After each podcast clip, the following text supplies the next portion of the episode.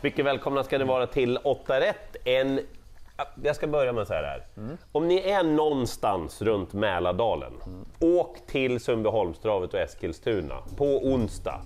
Sicka race alltså. Ja, det är topptävlingar hela kvällen. Det är bara avlöser toppracen ett Mm. efter ett. Och mycket för barnfamiljer är det också där på Sundbyholm på kvällen. Så nej, har man möjlighet så åk dit.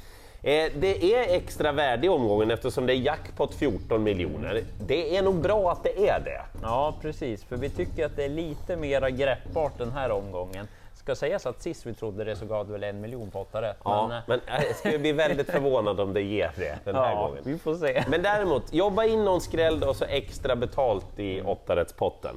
Första avdelningen, jättefavorit nummer 6, Ready Tonight. Han gick med eh, exakt samma utrustning senast när han vann. Eh, Då sprang han 12,5 voltstart full väg. Det är rätt bra. Jag tycker nog att han kan knattra iväg rätt bra från början också. Eh, Daniel Redén meddelar, ni kan gå in och läsa på Stallsets hemsida, fortsatt jättebra träningsrunder på Ready Tonight. Han har haft lite problem med långa resor, men det är ju kort till Eskilstuna. Och så har jag läst att han har sin polare Fat Rabbit med sig också. Ja, se Så där. att det blir nog bra det där. Spik direkt. Ja, alltså, ja, det är några bra hästar, men Ready Tonight är ju bäst. Du är inte bäst när du gör sådär, så att jag spikar. Spik. Eh, kan vara spik i avdelning två sen också. Väldigt stor favorit, 4 Esposito. Mm. Är ju bra den här. Han har blivit stabil nu också. Mm, precis, och känns väl lite som en ja, men runner-up Ja, inför derbyt. verkligen. Inte alls omöjligt Nej. att han är med där. Eh, kanske inte får någon ledning för han har två startsnabba hästar innanför sig över kortdistans. Två Global Currency och tre Erson. Men han vann ju utvändigt eh, Esposito senast. Tror att han kan göra det igen. Kan den här vara ett frågetecken om man ska tävla med Ja, det? absolut. Använder med amerikansk sulky, det är såklart spännande, men det är samtidigt något nytt också, så att om den inte funkar... Då Ni vet va, vi slår upp i Mattias Spantes garderingsbok. Förändringar på storfavorit, alltid till det sämre. Ja, det är så det känns. Så att, eh, ja, vi får se. Men ja, helt motiverad favorit, kan vara en spik. Jag nämner 8 Deeply Express som han garderar.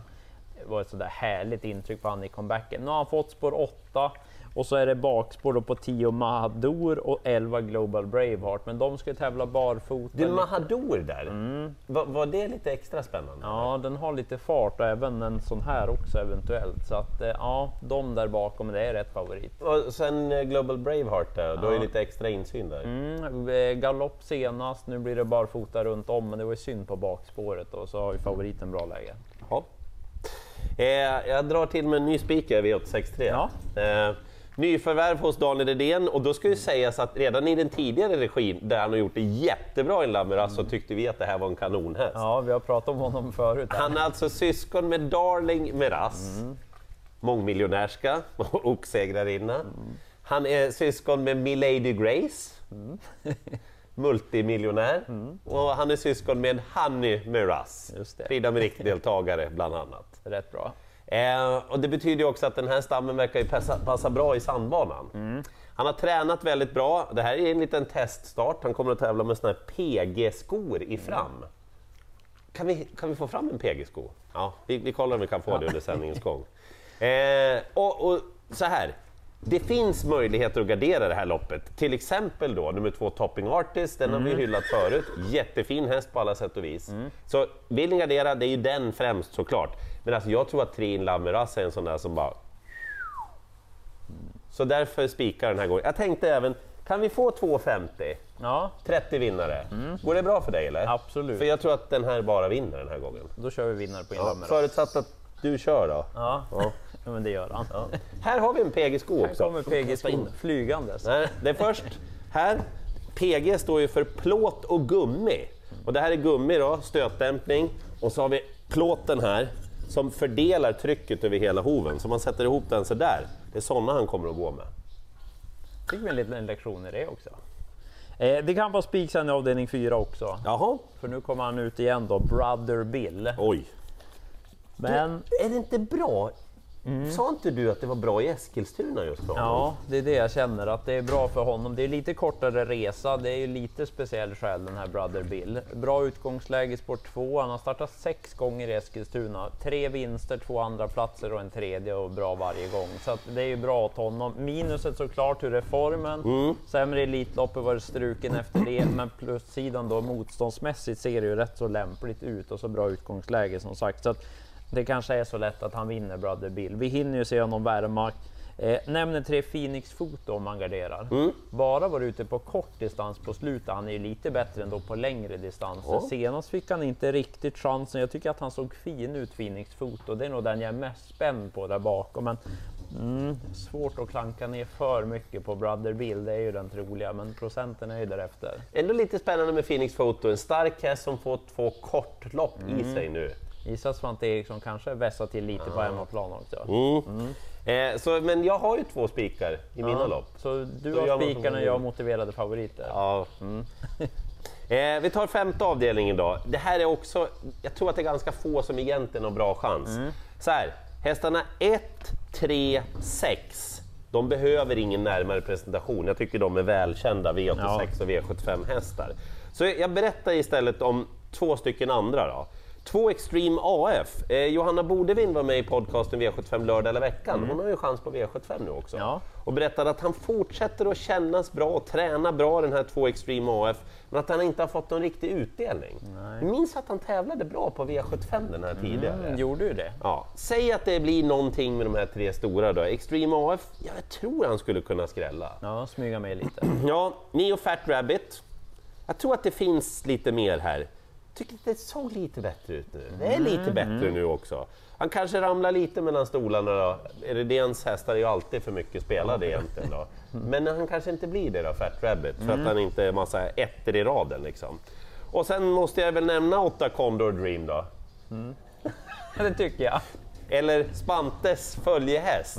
Du jobbar på med Condor Dream? Ja, såg småspännande Ah, det, jösses kompis! men det kan vara bättre i Condor Dream också.